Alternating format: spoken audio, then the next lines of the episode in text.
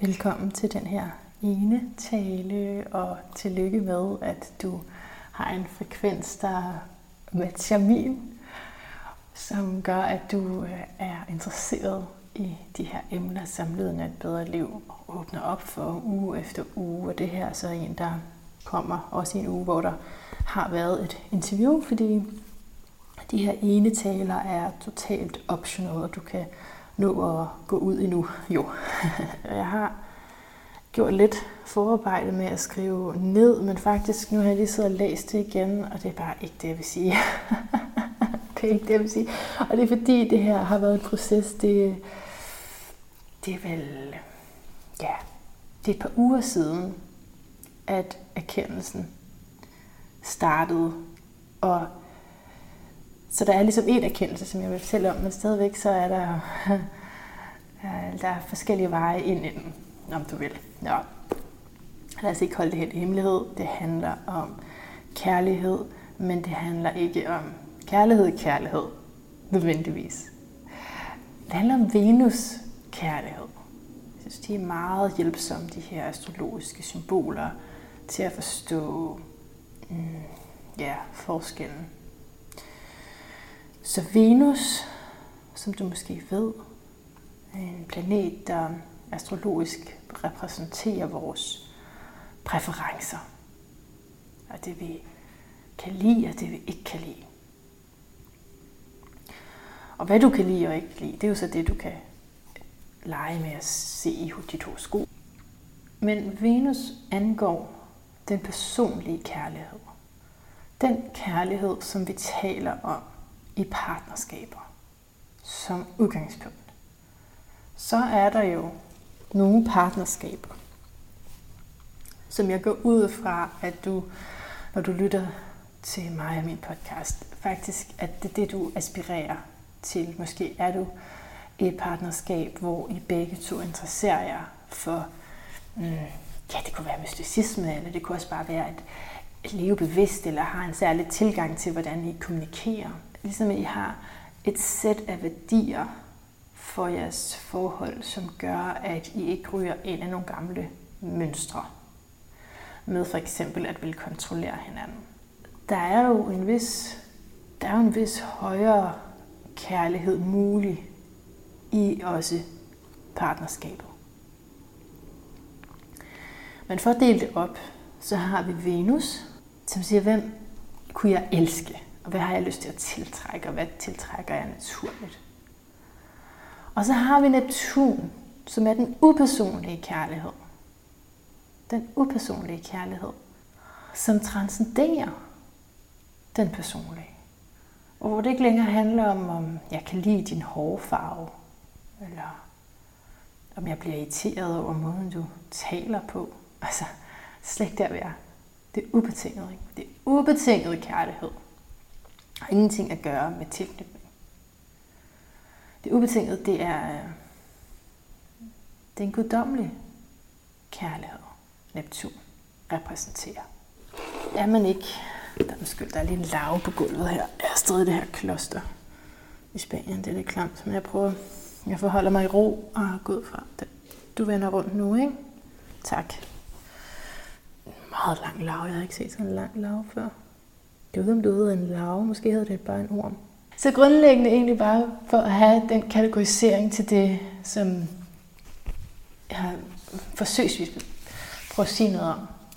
Her. Den er alt for tæt på lige nu. Den får min yogamåtte. Larven får min yogamåtte, ikke fordi jeg ubetinget elsker den, bare fordi jeg er rimelig bange for den. Okay. Ej, sorry. Jeg håber ikke, jeg helt har mistet dig nu.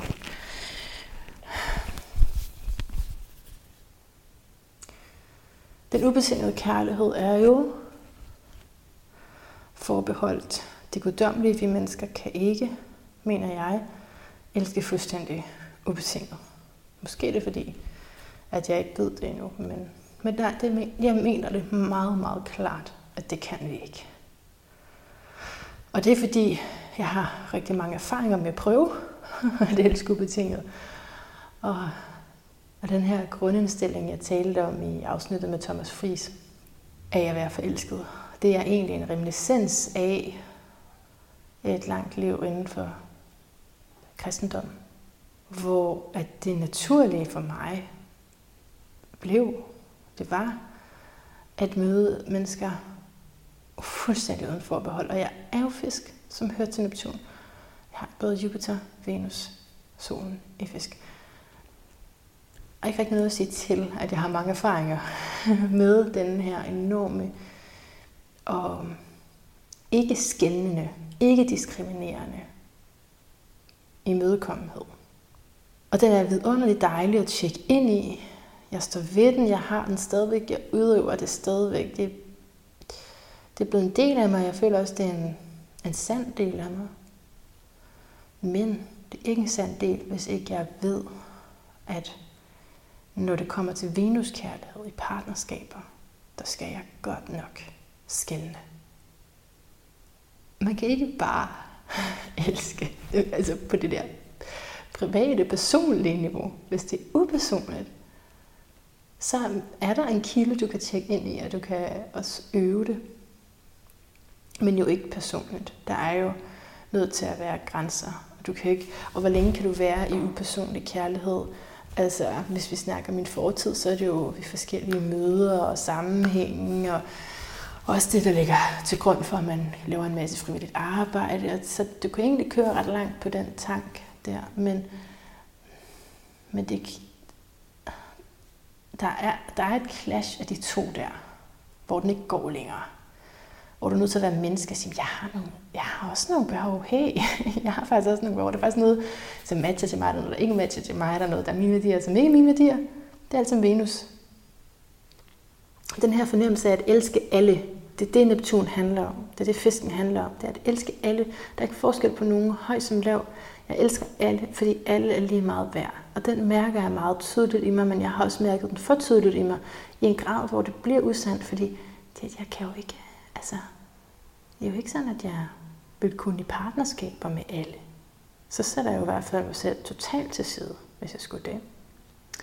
Okay, allerede er jeg kommet ud af forskellige spor, som ikke var det. Mm, okay, det, jeg prøver lige at give det en overskrift. Jeg vil gerne tale om, vi kunne kalde det kærlighedssyge. Vi kunne kalde det at være afhængig af at blive afvist. Ja, ja det, er den, det er den, vi går med. Fordi det, som jeg har erkendt, og jeg har forud for det, jeg har tænkt, om jeg skulle referere til forskellige værker, og så sådan prøve at finde, er der et eller andet, jeg kan, jeg kan slå op i, og sige, det er sådan fra den her bog, men det er det faktisk ikke. Det er faktisk en erkendelse, jeg har fået i, jamen, jeg har simpelthen fået den forærende. Jeg har fået den forærende igennem øh, begivenheder, der er sket. Øhm, jeg kan faktisk ikke rigtig sige men, men jeg er jo ligesom på den her vej, ligesom du er, hvor vi lægger mærke til symbolikker, og hvor når noget, mm, ja, som reelt faktisk mest, når noget går ondt, ikke? så spørger vi, hvad er budskabet i det her? Vi siger ikke bare, det gør ondt i nakken, fordi jeg har ligget i træk hele natten.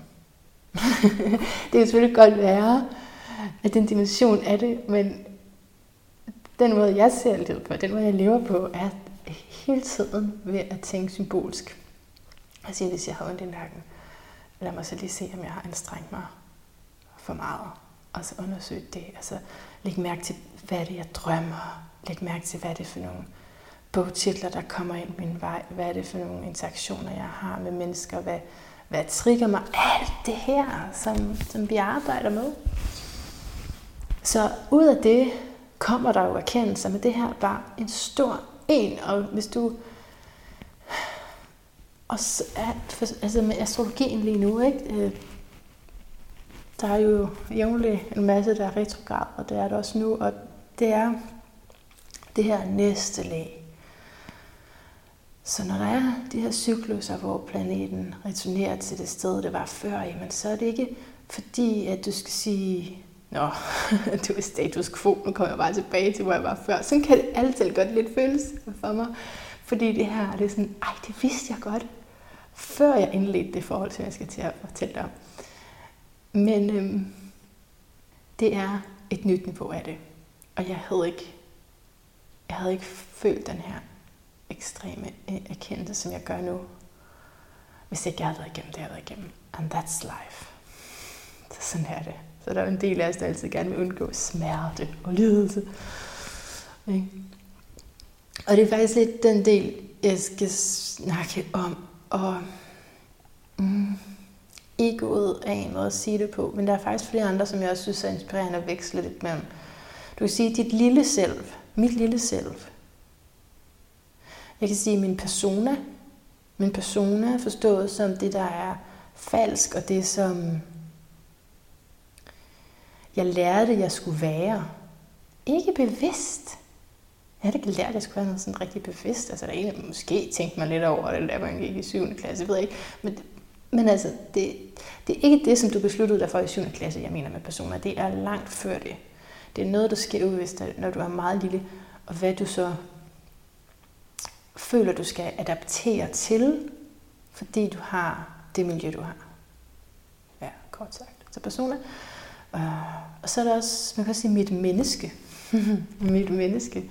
Man skal lige vide, at det er det, man, man bruger det som, for altså, det her ting kan jo betyde, det begreber kan betyde forskellige ting. Ikke?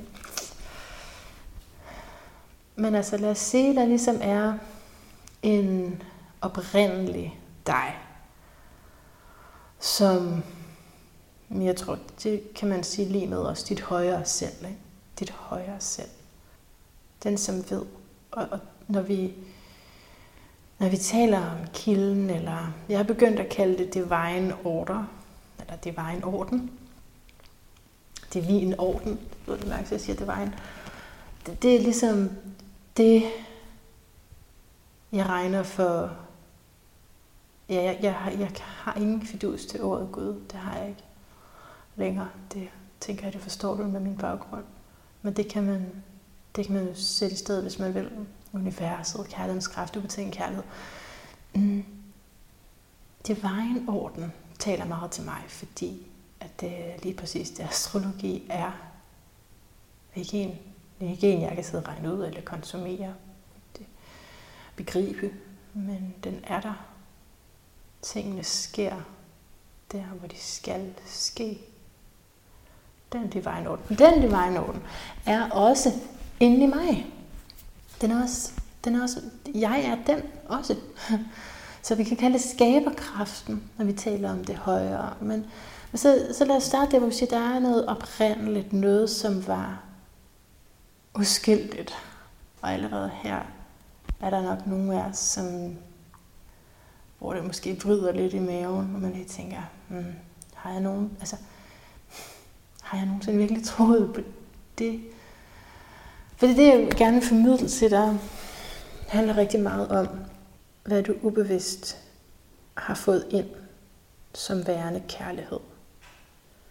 Og allerede når jeg begynder at tale om, kan jeg mærke den her oprindelige uskyldstilstand, så hvis der var en anden, der sad og fortalte mig om det, så ville jeg sige, ho, ho, ho. Jeg øh, har altid troet, at vi er født syndere. Og en ting er jo, at jeg bliver sådan en meget stor repræsentant for den tankegang, eller for at gøre op med den tankegang, fordi jeg har været i det, jeg har prædiket det, jeg har troet på det.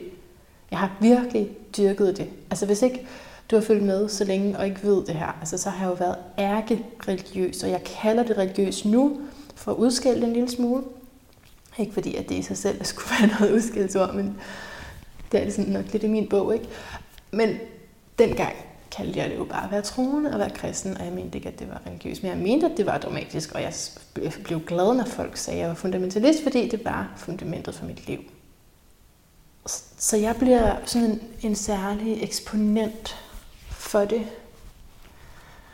Øh, kat, hvad hedder det, det katalysator, for at gøre op med hele forståelsen af syndefaldet, og at vi er født som syndere. Men selvom du ikke har været i nogen religion, og du ikke har troet det her, så er du stadigvæk kulturelt programmeret til det, medmindre du vokser op et helt andet sted. Altså, sådan, den, den lutherske kirke har jo alligevel gjort sit indtog og, og kulturelt programmeret noget. Ikke i lige så høj grad overhovedet som mig, som sad på min stol på HF og, og fik de her salmer gennemgået på en måde, jeg aldrig havde fået før. Og jeg var bare sådan hele tiden op med den hånd og sagde, det, I mistolker det. Gud er god. jeg, det var kæmpe sådan forvirring i mig. Jeg kunne ikke forstå, at de altså, kunne pille det fra hinanden på den måde og se det. Nå, anyway. Øh, så, så ikke lige så høj grad personligt, men subtilt er der noget i kulturen, som, altså det kan vi jo også se fra generationerne før os, som ikke har talt om selvomsorg, men som mere har talt om selvoffring, som ikke har talt om autonomi og blive dit eget udelte selv, som er det, der ligger i individuationen, men som har talt om altså, at finde din plads i en eller anden grad. Ikke? Og i min familie så i hvert fald det der med at blive gift og få børn var meget vigtigt, men, men for andre kan det være noget Ja, nu skal jeg ikke, jeg er jo ikke så, så god til fakta, så jeg føler, at jeg råder mig ud i noget. Tilbage på sporet. Hmm. Vi har noget, som er oprindeligt, som er uskyldigt, som er godt inde i os, og det er en tilvælling for nogle af os at kunne tænke på den måde. Men det er jo den del, vi gerne vil have frem igen. Det er den mm, forviste del af os selv, som vi godt vil have frem. Når det kommer til kærlighed. Altså så er det jo alt, hvad vi identificerer os med, det er vores personlighed. Det er meget ego, det er meget det menneskelige, som i hvert fald til at starte med kommer frem, og så møder den anden. Og derfor vil det være de gamle historier, som du fortæller, for eksempel. Altså, det er da meget typisk, at man fortælle noget om dig selv, ikke? Og så skal man ligesom række tilbage med hånden og, og se, hvad lige der kommer med op den her gang af slam fra fortiden. Og så kan man tale om det. Det er sådan, det, ja, det er sådan en dimension, det ikke altid sådan helt praktisk, hvad taler vi om. Men okay, jeg vil, jeg vil noget dybere end det her. Så okay, lad, lad mig gå ind i, i den historie med den her fyr. De hændelser, som har gjort, at jeg har forstået det, jeg gør nu, og jeg er meget spændt på livet, efter at have forstået det her. Det må jeg, det må jeg indrømme, og det kommer jeg til. Okay, så kort historien.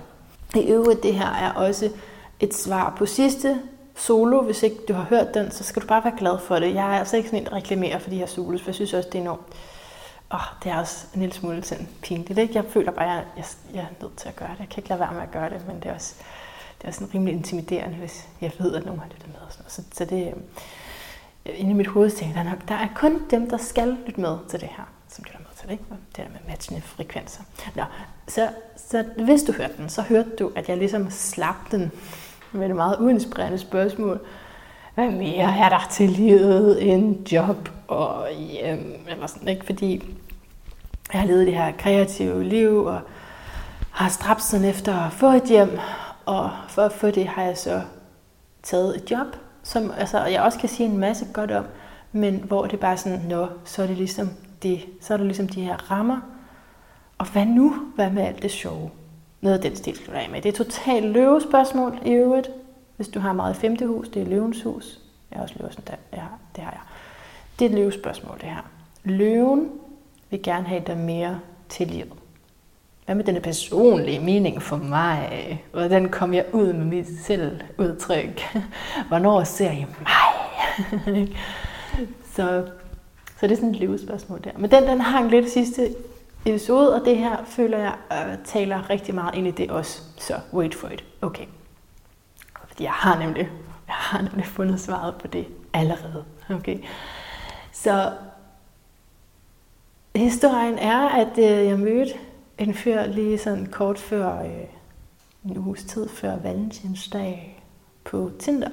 Og vi begyndte at løbe sammen. Jeg nævnte ham også i sidste solo. Jeg sagde noget med, måske sagde jeg, at jeg, han fik mig til at løbe. Jeg sagde i hvert fald, at man godt kunne bruge Tinder til at få venner på.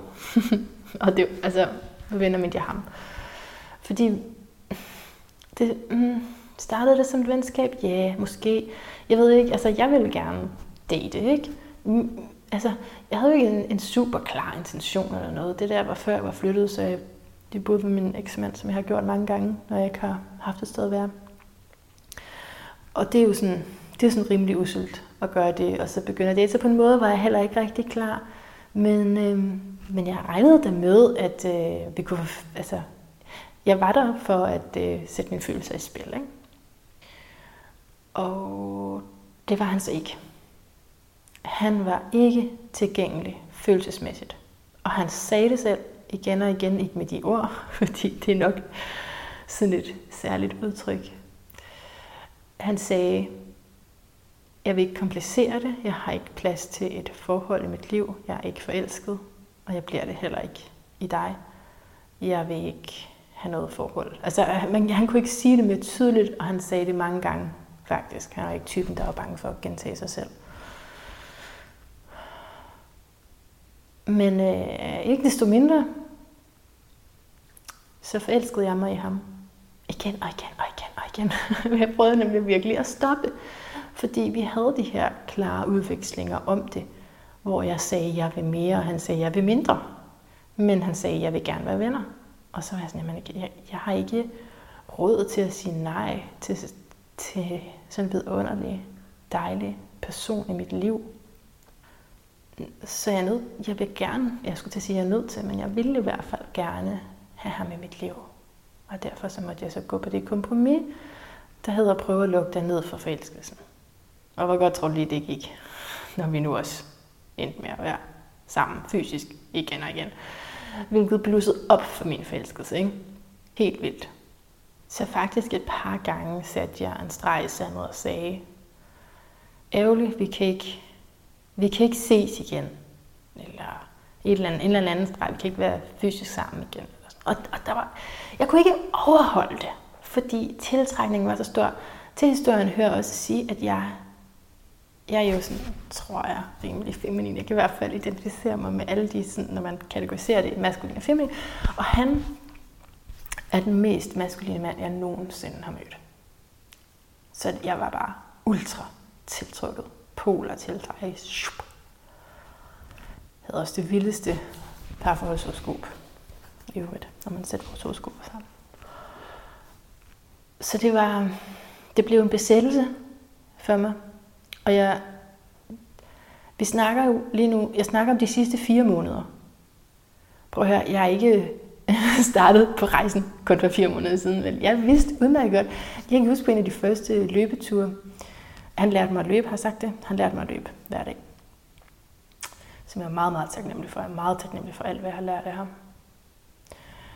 Men på en af de første løbeture, så kan jeg huske, at jeg sagde, at jeg er sådan en, der har displaced emotions. Jeg ved ikke, hvad det hedder på dansk, men jeg har hørt mange gange om det på engelsk. Displaced emotions, det er et af de begreber, som giver allermest mening for mig ever. Og han vidste ikke, hvad det var, jeg prøvede sådan at forklare lidt, men det tror, det prallede lidt af. Det var for dybt. Men jeg vidste det udmærket godt. Og jeg, altså, jeg, ved jo, det er jo, det er jo fuldstændig vildt langt tilbage til min barndom, det her med at blive voldsomt forelsket. Det vidste jeg også. Og displaced emotions er jo, når du... Ja, du kan forestille dig et eller andet dyr, som lige klikker ud, og så ser en eller anden, og så begynder at kalde den person mor. Så det er jo, at jeg tror, du kan give mig noget.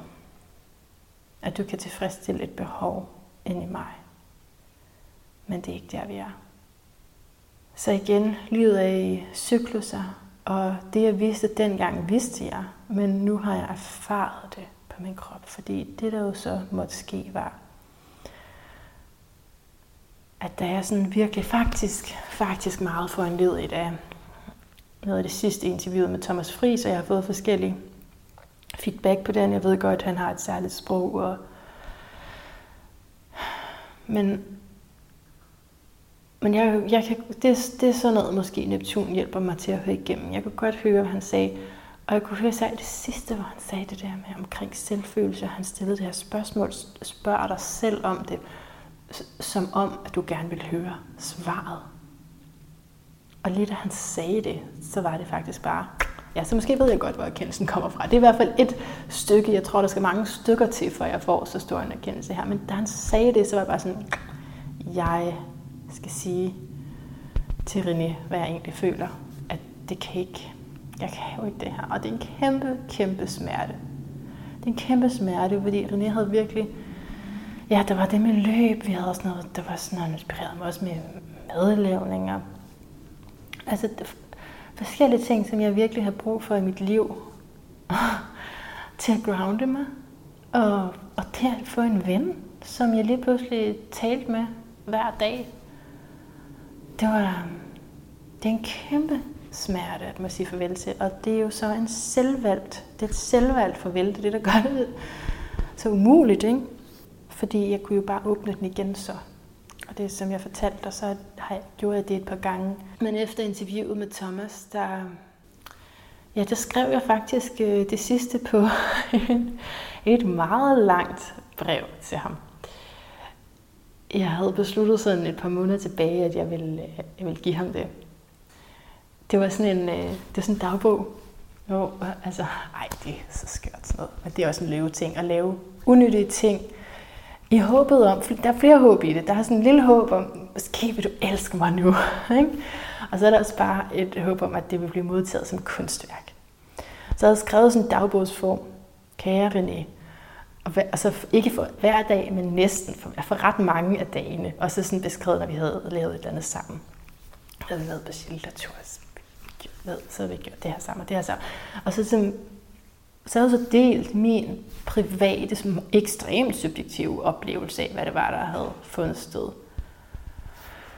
Og skrevet, jeg elsker dig. Og det er slags, som jeg jo ikke sagde til ham, og ikke måtte sige til ham. Og det var alt for grænseoverskridende, fordi jeg havde jo committed. Han var jo også optaget af, at jeg kun ville være venner med ham. Han var meget sådan, at vi skulle kun gøre det her, hvis jeg kunne finde ud af at være venner. Så jeg, jeg måtte ikke forelske mig i ham. Og det kunne jeg ikke lade være med det er da også næsten en invitation, ikke? når man ikke må. Ja. Så, så afleverede jeg det her papir, jeg sendte med posten. Det blev 60 sider. Noget den dur, jeg tror, måske mere. Øh, men det omkring. Og så tog jeg afsted på kloster med Eve, som er det, den, den anden udgivelse, den her uge handler om, kan varmt anbefales. Og så vidste jeg, at nu var den der. Og ja, så, så har jeg selvfølgelig kunne lære at lige sms'e en lille smule, men den er der nu, og jeg ved det. Den er der nu. Den er der, og jeg kunne, altså, kender du det, du kan sagtens tage en tur mere. Du kan godt åbne op for det igen. Ikke? Så går et par måneder til, og det trækker tiden ud i forhold til lidelsen, men du kunne også sige, nej, jeg er klar til noget andet nu. Og jeg vil meget gerne accelerere min personlige vækst. Fordi den har godt nok været i stagnation i mange år. Så jeg, jeg trænger til at komme derhen nu, hvor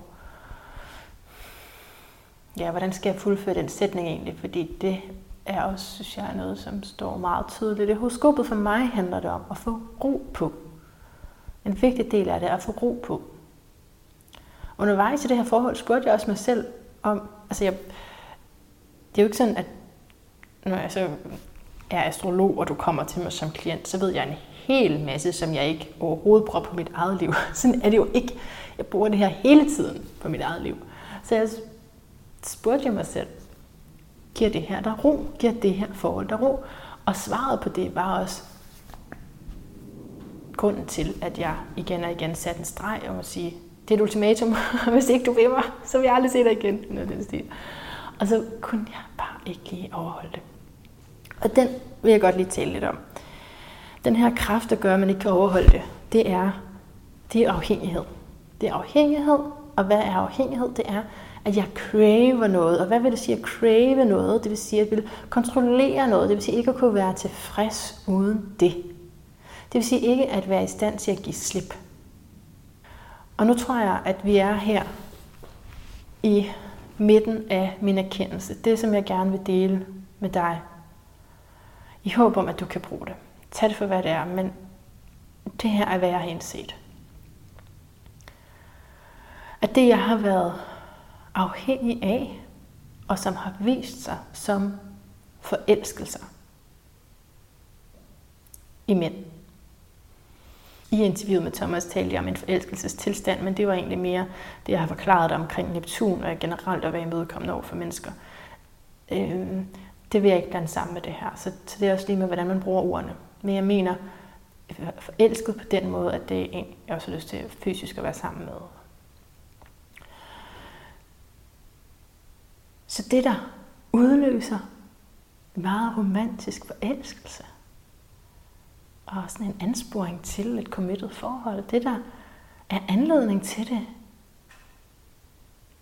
er et sorg. Det er en smerte. Det er, at jeg forstod som barn, at afvisning, det er jo det, man, det, er det, man får i kærlighed. Altså, du må undersøge dine egne forældre og også generationstraumer. Jeg kan jo kort sige, at jeg vil kede dig for meget med det. Måske er jeg lidt bange for, at det bliver kedeligt for dig, men... Jeg vil sige, at min far ønskede ikke at få mig. Han ønskede ikke at få det barn, som han jo så havde puttet ind i min mor. Og den og holdt ikke op, så snart jeg kom ud. Altså, det var ikke sådan, Nå, så så han med mine øjne, og så blev vi bedste venner. Altså, der, der var en konsekvent afvisning hele mit liv, og han var vidderlig følelsesmæssigt komplet utilgængelig. Han havde så mange dæmoner inde i sig selv, som han kastede ud over det hjem der. I det næste interview, som jeg glæder mig rigtig meget til, skal vi tale om følelsesmæssig forurening, og det er præcis, hvad det var inde i mit hjem. Men det vidste jeg jo ikke. Jeg troede, det var normalt.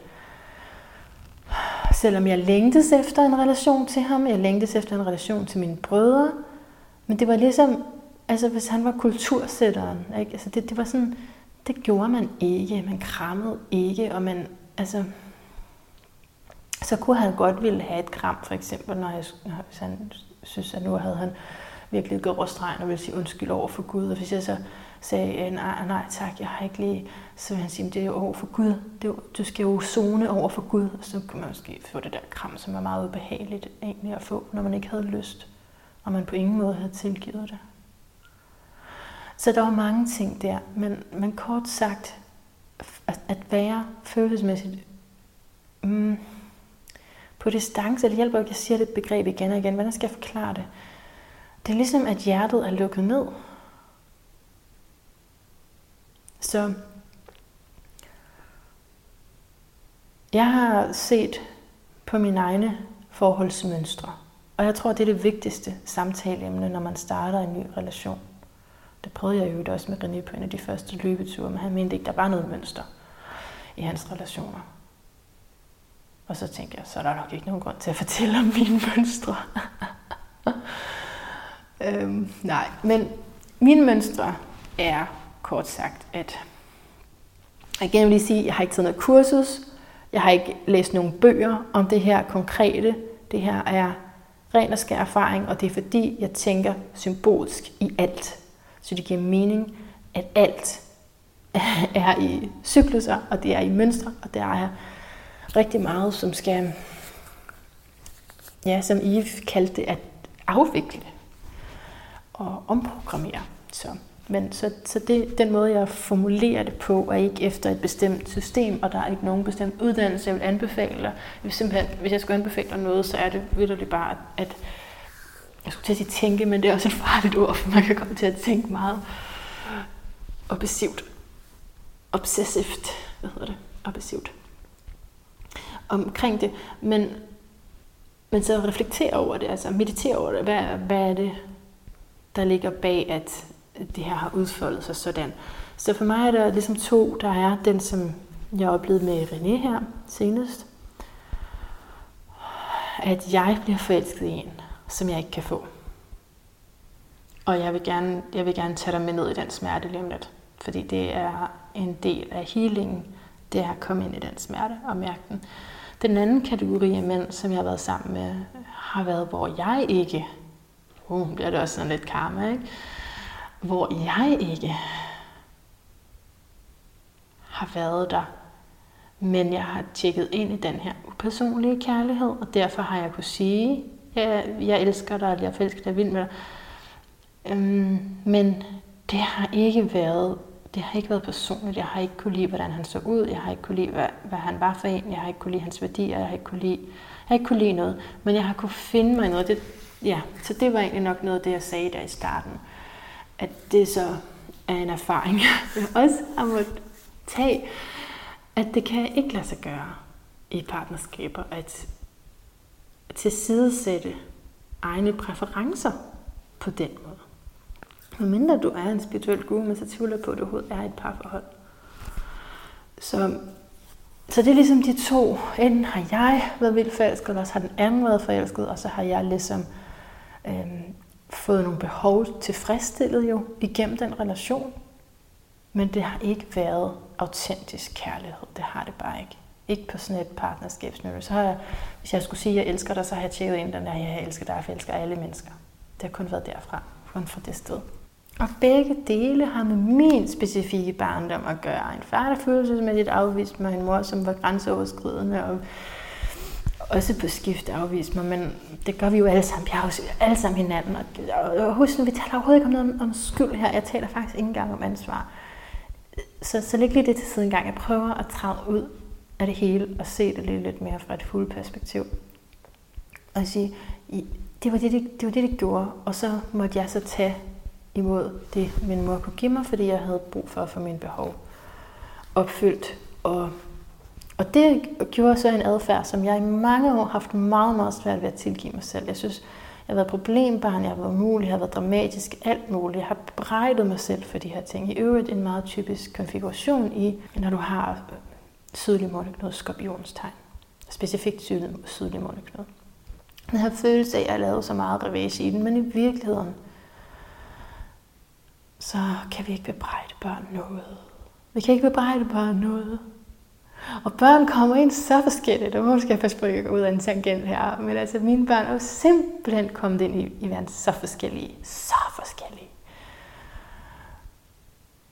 Så der er ingen tvivl i mig om, at vi ikke engang, altså vi er slet ikke færdige, når vi snakker om generationstraume og spoler tilbage og ser, okay, hvor fik min mor det fra? Men der var heller ikke nogen, der ønskede hende. Altså der var ikke nogen, det ønskede min far. Det er bare sådan noget, man gør, det der med at få børn, og det her taler vi ikke om, det ned under gulvtæppet, ned under gulvtæppet, ned under gulvtæppet, med alt.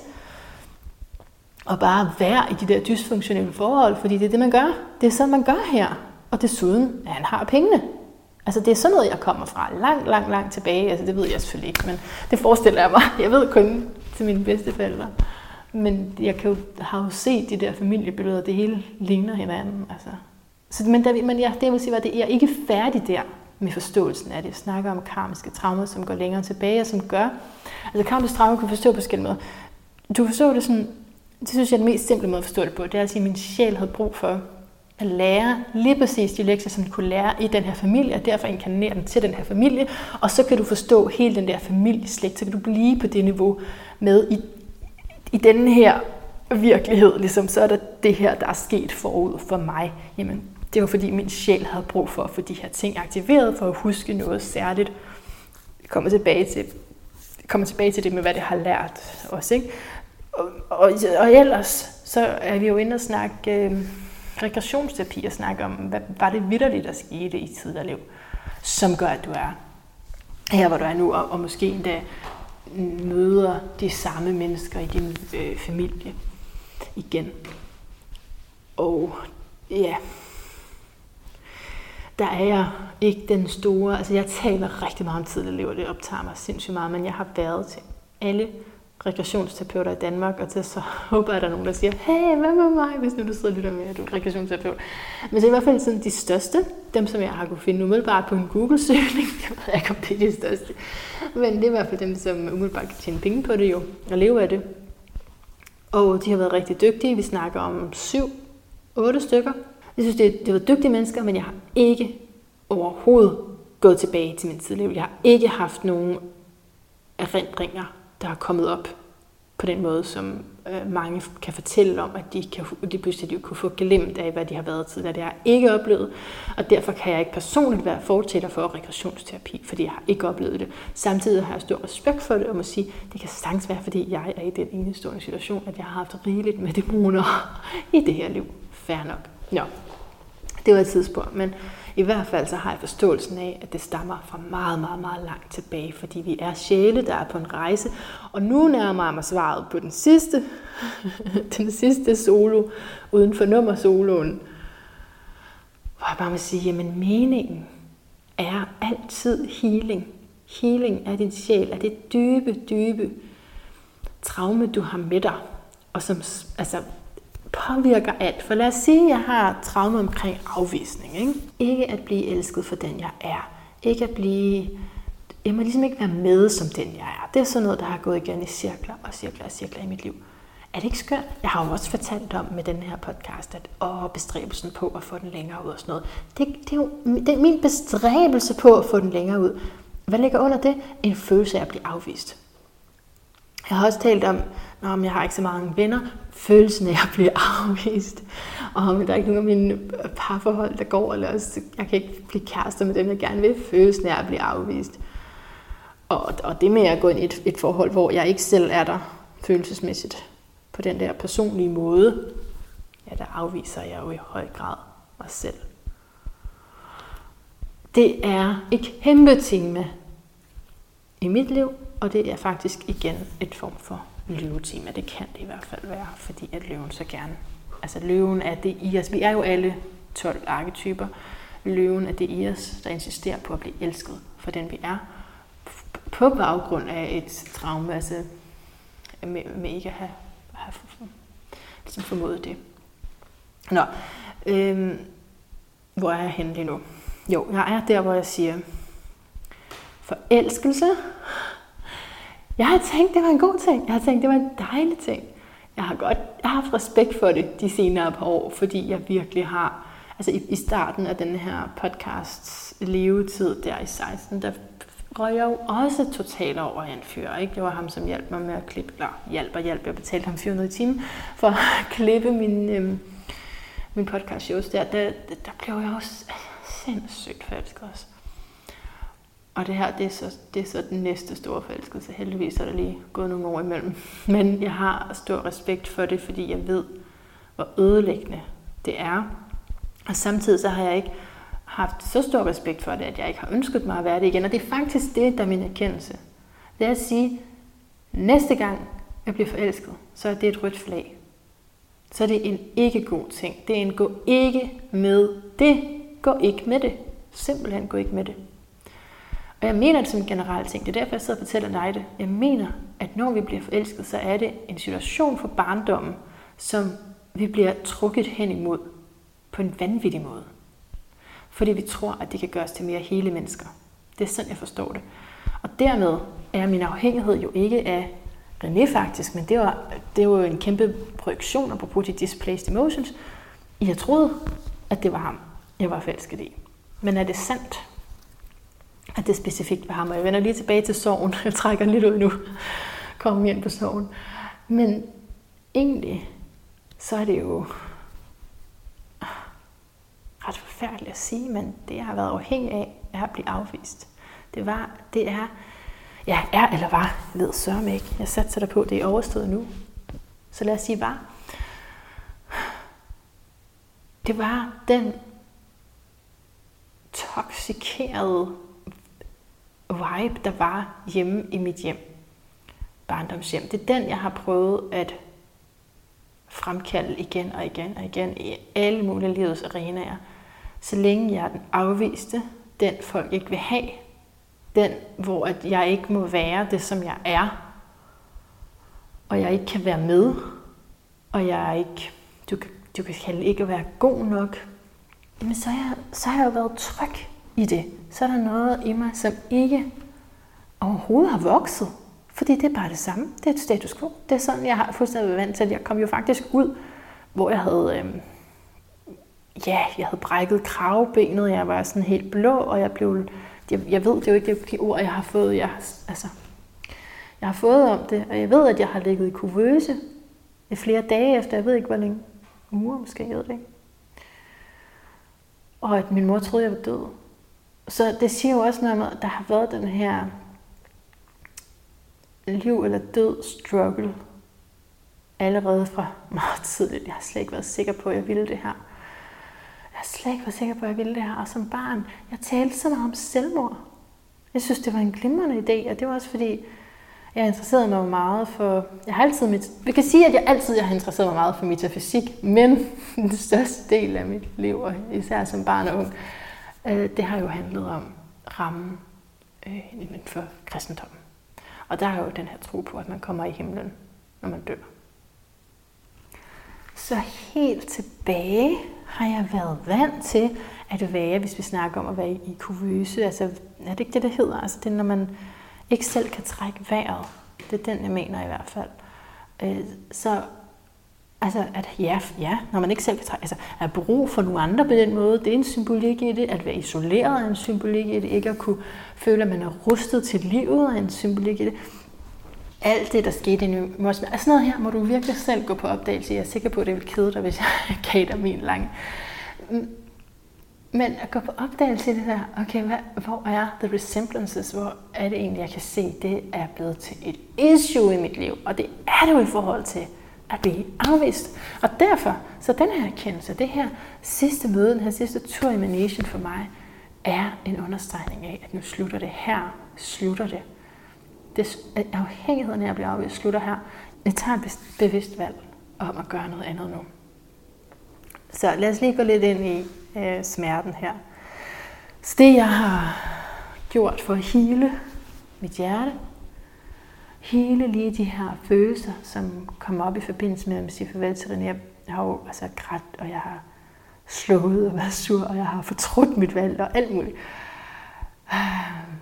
Og, og øh, mærket, mærket det her. Prøv, prøv en gang for dig selv at mærke det her. Det, kan ikke, det er ikke sikkert, det er noget issue i dit liv, men prøv lige at mærke det her. Der er en, som du udvikler et fantastisk bånd til. I laver spændende, dejlige ting sammen. Du er i stor beundring af ham. Du er fed med ham. Han er det lækreste, det dejligste. Du har ikke for små ord om ham. Altså, det er bare så skønt. Og inde i ham er der sådan en... Det er meget hyggeligt. Det er en god ven. Øh, hvordan skal jeg sige det? Altså, det var sådan... Det, det var bare slet ikke gensidigt. Altså, følelsen af ikke at blive elsket. Ikke at blive imødekommet. Faktisk, i lige den her relation, har jeg ikke engang følt mig modig nok til at, at dele. Og det var så det, jeg gjorde i det der mega lange brev. Så skrev jeg bare alt.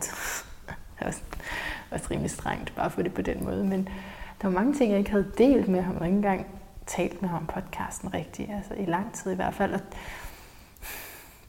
Og så store dele af mig var egentlig gemt væk, fordi at der var den her følelsesmæssige utilgængelighed, som jeg kunne mærke. Min far kender mig jo heller ikke, altså, og har aldrig gjort det. Vel, hvis ikke, du, øh, hvis ikke den anden er der med et åbent hjerte, hvorfor skulle man så sige noget? Hvor, hvor falder det så hen? Det, altså, hvor går de der delinger hen? Jeg ved det ikke, men de falder ligesom på jorden. Går til spil. Man kan ikke være der. Så smerten ved ikke at blive mødt, ved ikke at blive elsket, den har jeg været at mærke. Okay. Og det er den, jeg skal kunne rumme som menneske. Sige, jeg bliver ikke elsket, og så acceptere den. I stedet for at acceptere den, så har jeg jo gjort det, at jeg har løbet efter ham endnu mere. Og det her det er et mønster. Det det er den første gang, jeg har gjort det. Når jeg har fået nej, når jeg har fået de røde flag, kan vi kalde det. Når man har øh, tydeligt kunne se, at okay, vi, vi matcher faktisk ikke i vores værdier, hvis det var det, så synes jeg nu alligevel, vi gjorde. Nå, men så lad os sige, vi, jeg, kan ikke, jeg kan ikke dele fra et ærligt, autentisk sted med ham. Det kan jeg jo i hvert fald sagtens sige. Eller øh, han, han møder mig ikke i hjertet, og det seksuelle var virkelig fantastisk, men der manglede hele tiden den der med, oh, kan jeg få lov at få, som inspireret af det afsnit med Thomas, altså at, at få relationen også i det seksuelle møde.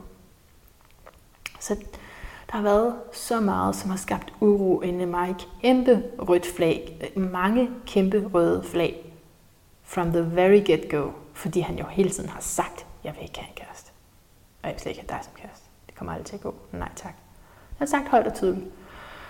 Og i stedet for at tage det ind realistisk, og bearbejde det, som jeg så har gjort i den her proces, så har jeg, så har jeg sagt, jamen det der røde flag, altså det kan jeg da sikkert male hvidt.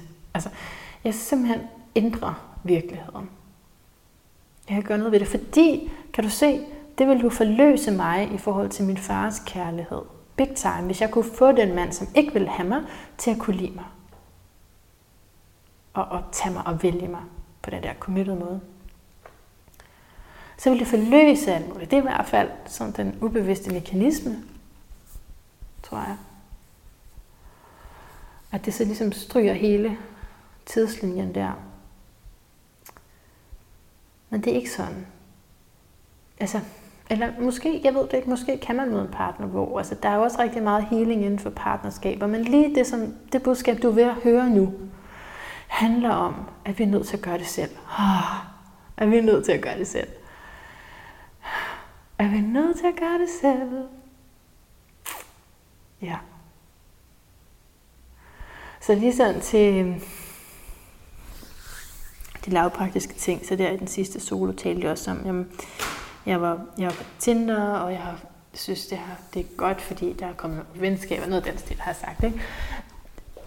Det er jeg selvfølgelig lukket ned for nu. Jeg har lukket totalt ned for Tinder, fordi jeg synes, jeg har kunnet mærke, at, øh, at det er som regel kun, altså det er som regel ikke så committed. Det er som mændene søger i hvert fald. Og i øvrigt skal det lige siges også, at de her fire måneder, som, hvor jeg fortæller dig, at jeg har været besat af en mand, øh, der har jeg også datet andre. Det har jeg, fordi at René fra starten sagde, nej tak. Vi skal ikke være mere. Du skal endelig date andre, du. Altså, vi er kun venner. Han har sagt det så tydeligt, som man har sige det. Og han har opfordret mig til at date andre. Og det har jeg så gjort, fordi jeg gerne vil have de der følelser væk. men, men øh, René var bare den, som allermest kunne åbenbart repræsentere det, som jeg mangler i mig selv. Og det, som ikke er forløst endnu fra min baggrund. Fordi alle de andre, det har også... Nej, det har været, faktisk været, alt sammen været ret forfærdeligt. Der var måske en enkelt hvor, men nej, der, der, det har ikke været godt. det har ikke været godt, og der var ikke nogen af dem, som kunne tilbyde noget som helst ordentligt, seriøst, som jeg kunne se det. Og det har også været gennem Tinder. Så, så det, er, det er droppet. Jeg er ikke der, hvor jeg siger, nu skal jeg så have 10 år alene. Altså, og på den måde hele. Det, jeg tror jo, jeg ved, at det er i relationer. Vi bliver spejlet allermest, og derfor kan jeg få fat på ting, og derfor altså, kan hele.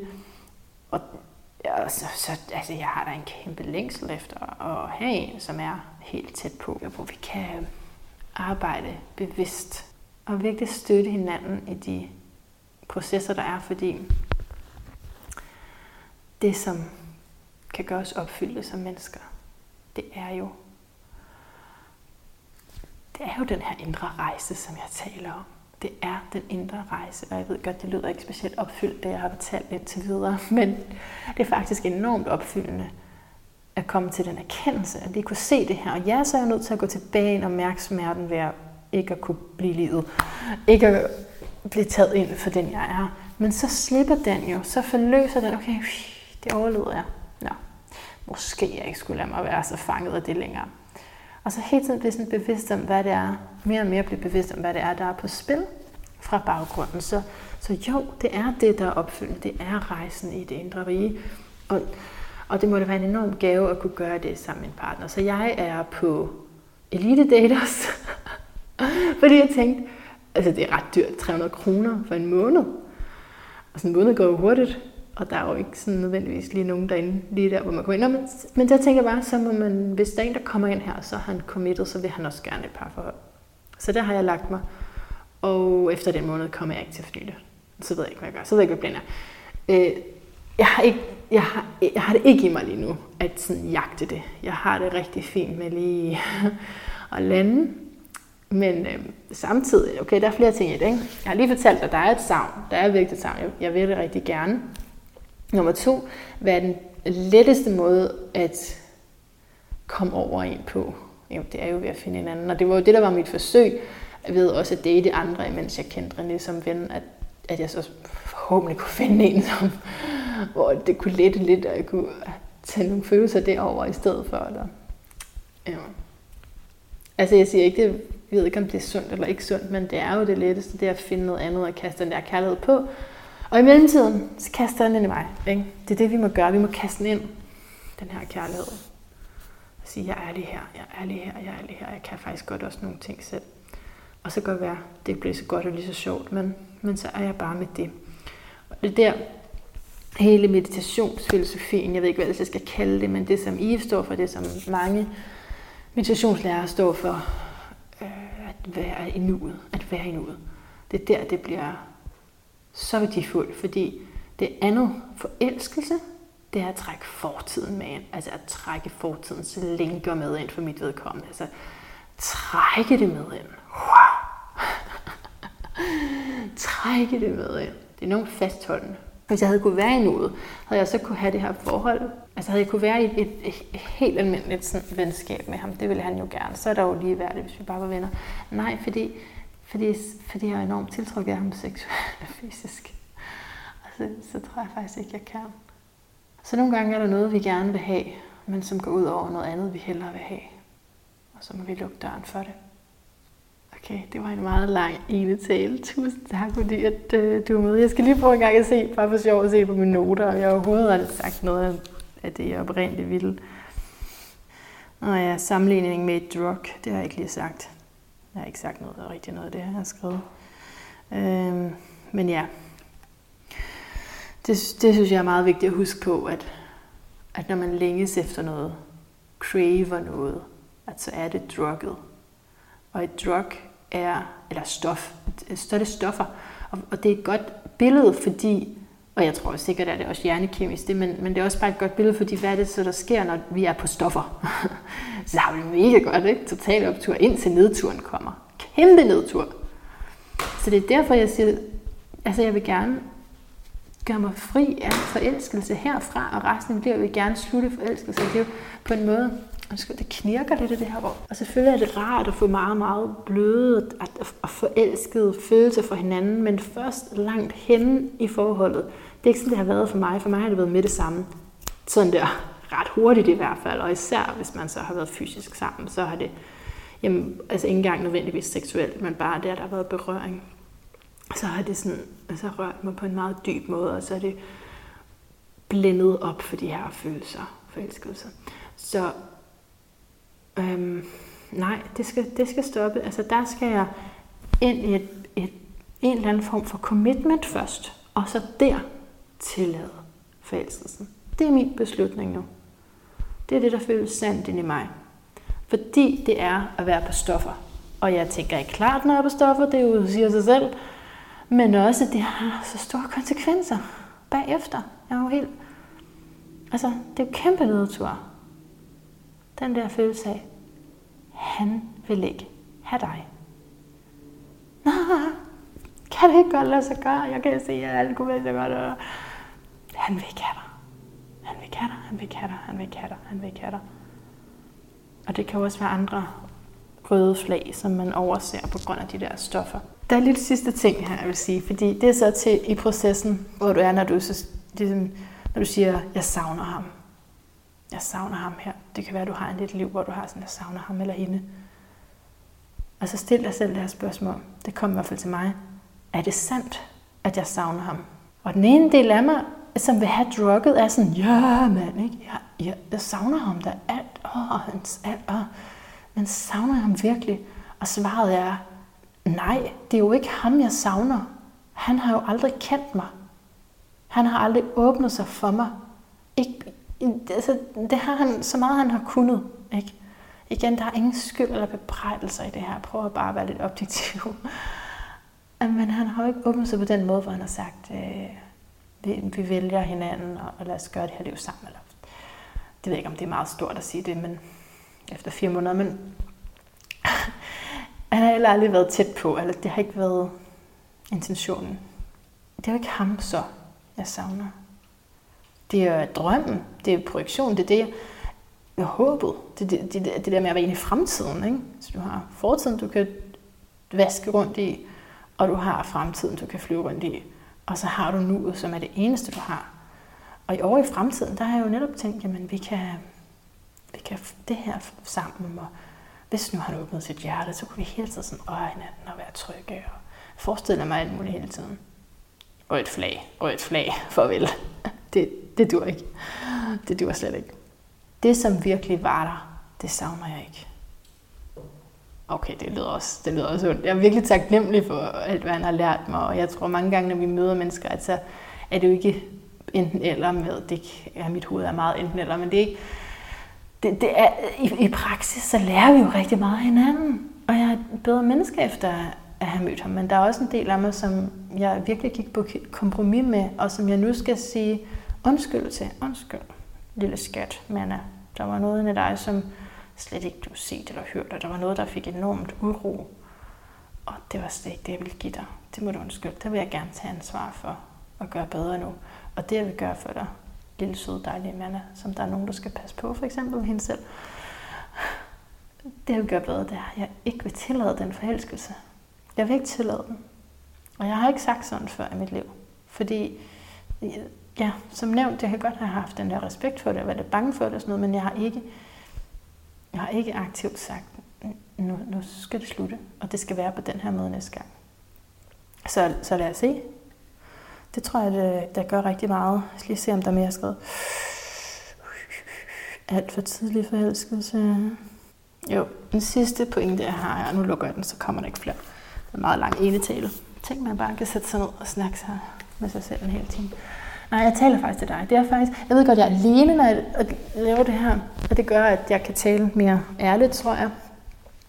Og jo uden, at jeg, det er kun mig selv, der afbryder mig. Men, men jeg taler faktisk til dig. Jeg har mærket, lige sådan jeg fik det her, så har jeg været sådan, at jeg skal sige det her i podcasten. Jeg er nødt til at sige det her til jer. Jeg er nødt til at sige det. Jeg er nødt til at sige det. Det er helt vildt stort for mig. Den sidste ting var, at det er vigtigt, hvis der er en, du prøver at slippe. Prøver at finde closure i forhold til, at du ikke sætter en diagnose på. altså, det kunne man jo sagtens, ikke? Jeg husker på en af, mine løbeture med René, der spurgte jeg, om han var psykopat. Bare lige for. Altså, det kunne godt være, fordi han var så følelsesmæssigt lukket. Men det sagde han så, jamen det havde han også selv tænkt på, så han så tænker nå, altså, så er han nok ikke, så er man ikke psykopat, hvis man siger det, tror jeg. Øhm, altså, det er bare så nemt at sige, han har et eller andet, der er helt off i ham, eller han har en hel masse, han skal arbejde med.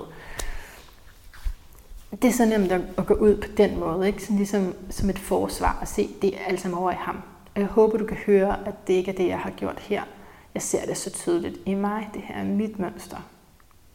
Og jeg kan vide, hvad der ville være sket, hvis han havde sagt, ja, jeg er klar, men jeg kan vide, nej, altså jeg ved jo godt, at, at det ikke så bare havde været lykkeligt, fordi så ville jeg bare i den ramme skulle finde ud af at klare nogle meget svære følelser selv. Så vil jeg møde det på en anden måde. Der er ikke nogen, der kan befri dig for det, du selv skal lære, fordi ellers så vokser du ikke som sjæl, og så stagnerer du, og så sidder du fast i det, som bliver du ved med at trække fortiden ind igen, igen og igen og igen. Og nogen har jo en bedre fortid end andre, og så kan de bedre leve på den måde med at trække den ind. Eller der er en anden øh, øh, fortid energi, som fungerer. Og, og så er det lidt lettere.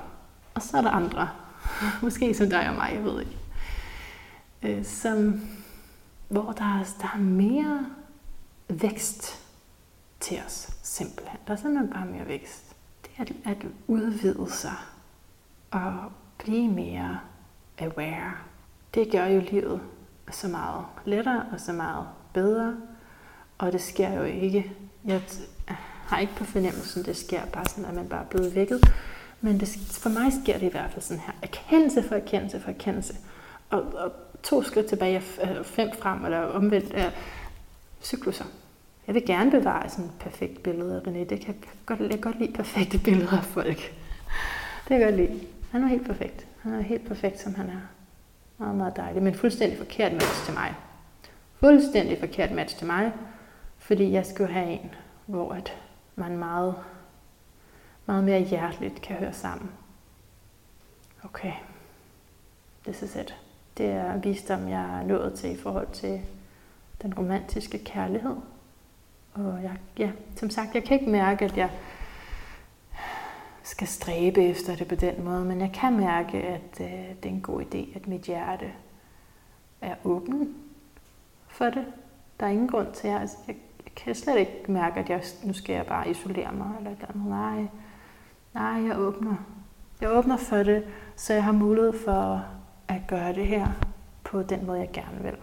Jeg på at invitere et partnerskab ind på den, hvor jeg kan få lov at være den, som jeg gerne vil være. Det er også mit, mit råd til dig, hvis du er i den situation, at du ønsker en kæreste, at du så mm, indstiller dig på, hvordan du selv gerne vil være i det.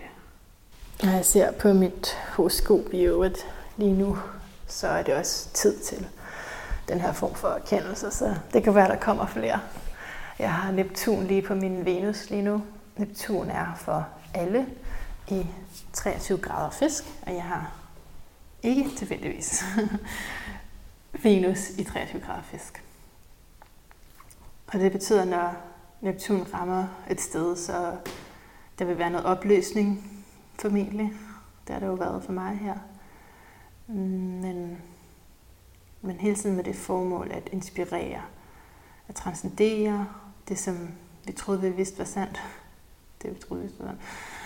Øhm, simpelthen at åbne op for en højere visdom, som jeg ser det. Og når det så er på Venus, så er det i forhold til, kunne i hvert fald være i forhold til partnerskaber.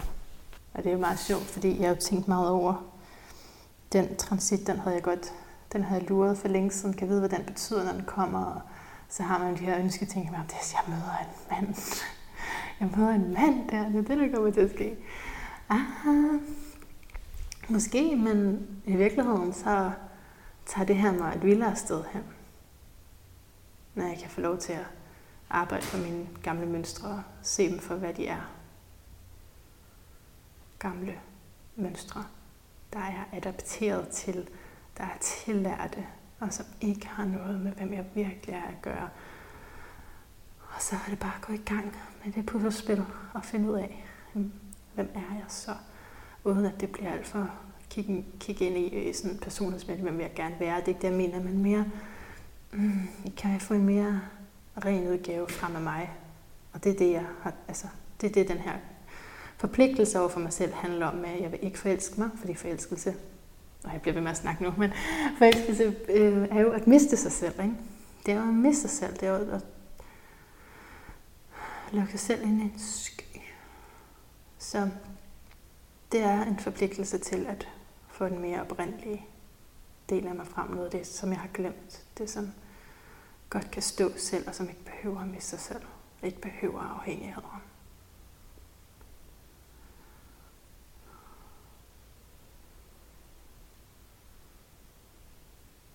Indtil vi høres ved igen. Gentænk alt. Og hjertet tak, og hjertet tak, og hjertet tak, fordi du er her. Gentænk alt. Måske især, om du har lagt nogle følelser over på nogen, som slet ikke kan bære dem. Altså hvor du er nødt til at, trække dem hjem. Og sige, ja, måske gør jeg, gør jeg det på grund af et traume, et traume forstået som, du har været ude for noget, som var mere smertefuldt, end du kunne rumme på det tidspunkt, og derfor så genspiller det i dit liv.